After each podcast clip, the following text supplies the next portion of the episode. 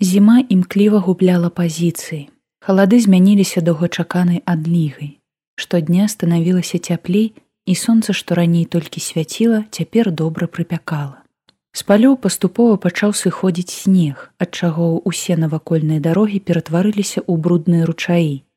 Лясы, вызваліўшыся ад марознай скаванасці, сустракалі першыя павевы цёплых заходніх вятроў ветлівым шапаценнем галінак. У паветры лунаў дух вясновага адраджэння. Міхал Клеафас Аінскі гасцяваў у дзядзькі трэці тыдзень. У хуткім часе граф збіраўся пакінуць замак і выправіцца дадому. Пра гэта ён напісаў санкт-петербург жонцы. Міхал не губляў сувязі са сталіцай, Амаль штодзень ён пісаў лісты і адсылаў іх з пасыльным на найбліжэйшую паштовую станцыю буцлаў. Конюх на старым бакасе спраўляўся з гэтай задачай за светлавы дзень і да заходу сонца ў руках графа з'яўлялася новая карэспандэнцыя з петербурга. Міхал сядзеў за бюро ў сваім пакоі і завяршаў чарговае пасланне да жонкі.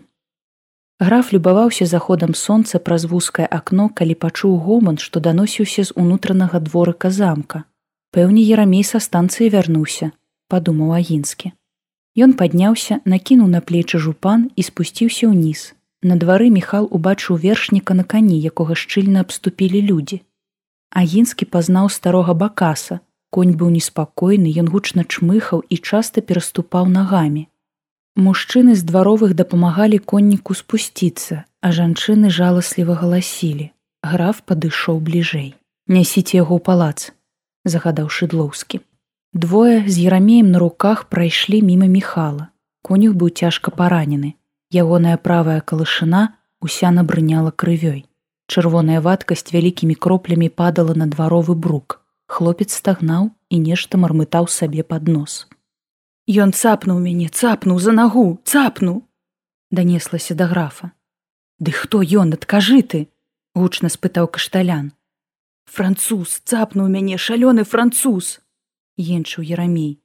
Які такі француз, сабака французскі? Француз, ён мяне цапнуў, працягваў лапатаць конюх. Ерамея прыцягнулі на кухню, дзе паклалі на лаву каля цэбара з вадой.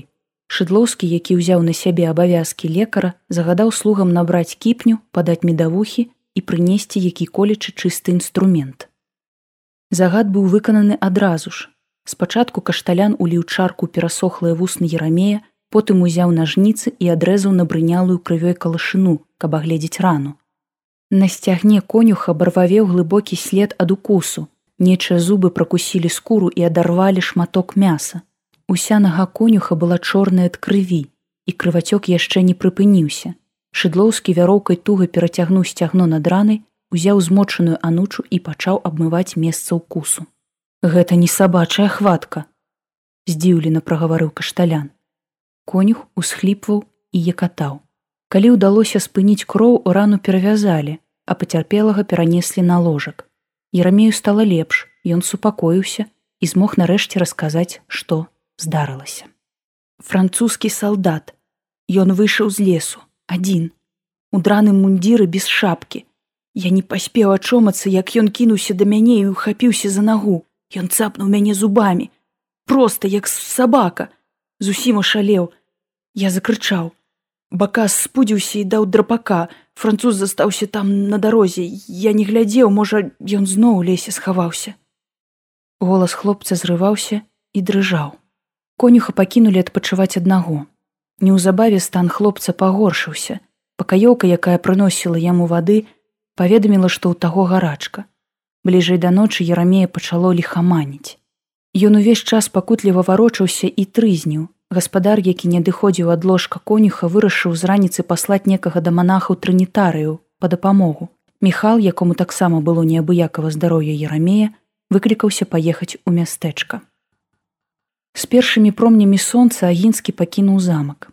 Раскіслая дарога не дазваляла пусціць каня поўным ходам, таму калі міхал уехаў маладэчна, сонца стаяла высока. Ад таго, што снег сышоў, мястэчка здавалася яшчэ больш знявечаным.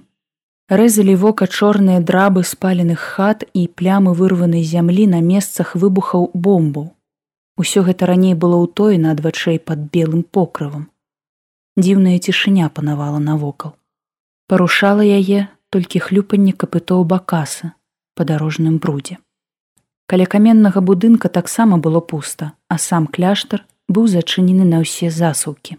Граф пад'ехаў да канавязі, прывязаў бакаса і рушыў да ўваходу. Ён пагрукаў дзверы і гучна назваў сябе. Доўгі час ніхто не адказваў. Агінскі стаў нервова азірацца па баках. Яму не падабалася падазроная ціша і спустошанасць навакольных вуліц. Раптам пачуўся скрыгат засаўкі, і палавінка кляшторнай брамы павольна адчынілася.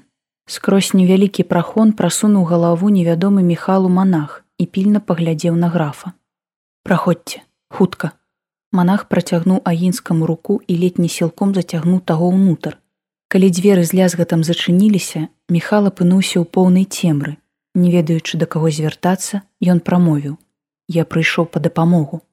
Вы не першы, пачуўся голас трынітарыя. Той адчыніў іншыя дзверы. Невялікі пакой напоўніўся цьмяным святлом. Увесь кляштар запоўнены пацярпелымі. Манах стаў у дзвярным прахоне і жэсам паклікаў графа за сабой. Што здарылася? Пераступіўшы парог, агінскі спыніўся. У калідоры, куды вялі дзверы, панаваў паўзмрок. Усе вокны ў памяшканні былі забраныя аканіцамі, але і пры такім дрэнным асвятленні Міхал змог пабачыць, што ў калідоры поўна людзей. Малыя, старыя, сярэдняга веку яны кубкамі і па адным сядзелі ці ляжалі на падлозе ля сцену. Праз адчыненыя дзверы келлі ўбачыліся ложкі з пацярпелымі. Побач з хворымі стала знаходзіўся хтосьці з манахаў. Белыя плашчы з крыжамі вылучаліся сярод шэрай масы зноскаў, у якія была апранута большасць выжылых жыхароў мястэчка.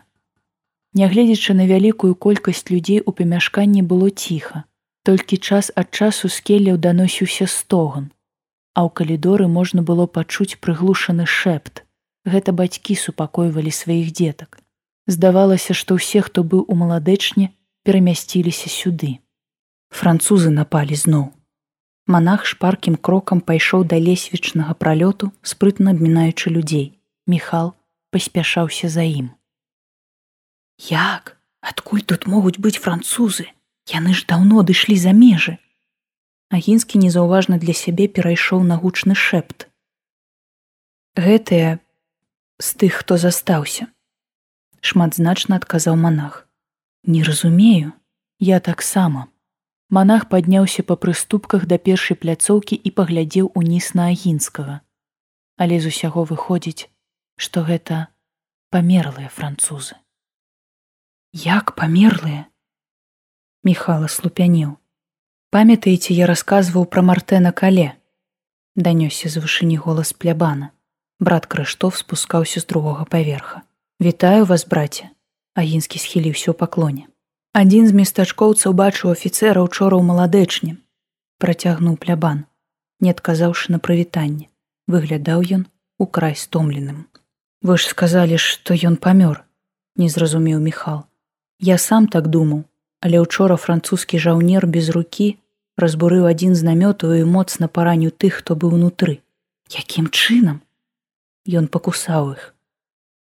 Плябан змоўк. Вось і наш конюх, прыгадаў агінскі. Таксама казаў, што ў лесе яго пакусаў шалёны француз. Плябан са шкадаваннем у голасе прамовіў. І цяпер ваш конюх ляжыць з лихаманкай. Так, адкуль вы ведаеце, здзівіўся Міхал. Ва ўсіх пацярпелых такія ж сімптомы. Брат Крыштоф паказаў рукой у бок келляў.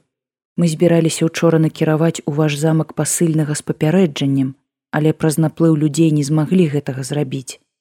На ўліку былі ўсе працаздольныя людзі. Але як такое магло здарыцца, бедаваў агінскі, я не разумею. Пацяплела, нібы сам сабе прамовіў плябан. Што я вас не чую, Міхал падвысіў голас. Поле за вушою было завалена трупамі. Пасля бойкі ніхто не парупіўся іх прыбраць. Брат Крыштоф павярнуўся да агінскага. Пачырванелыя, напоўненыя смуткам і болем вочы плябана, здавалася глядзелі скрозь міхала сёння брат валянцін быў там яно пустое. Усе нябожчыкі зніклі цяпер яны блукаюць па наваколлі вы нейкую лухту пляцеце брат вы доўга не спалі вам трэба адпачыць цвердзіў міхал гучным шэптам мерцвякі не могуць хадзіць я не спаў гэта так голас плябана быў спакойны ён нібыта размаўляў сам з сабою. Але я бачу ўсё тое на ўласныя вочы. Гэта так. Вы хочаце сказаць што надыходзіць апошні суд ці вы проста наслухаліся страшных гісторый ад сваіх французскіх сяброў? Міхал дазволіў сабе грубасць. Роспачны стан плябана пачаў выклікаць у яго раздражненне.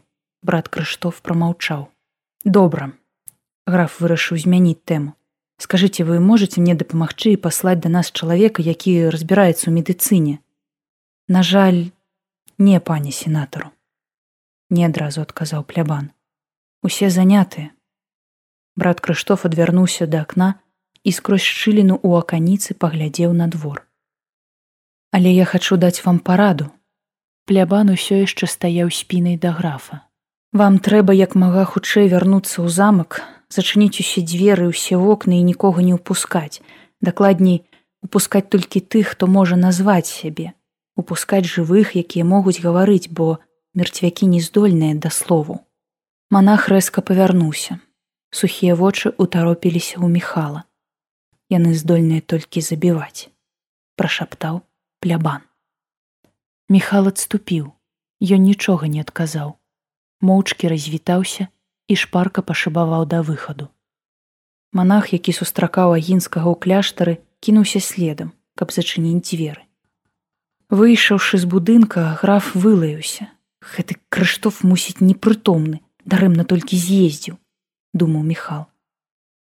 На дварэ было ўсё гэтак жа ціха і пустынна, але бакас, які ўвесь час прастаяў на прывязі, моцна расхваляваўся. Конь узбуджана біў капытом, круціў вачыма ў розныя бакі і ржаў. Спакойна бакас, усё добра. Агінскі пагладзіў каня па шыі.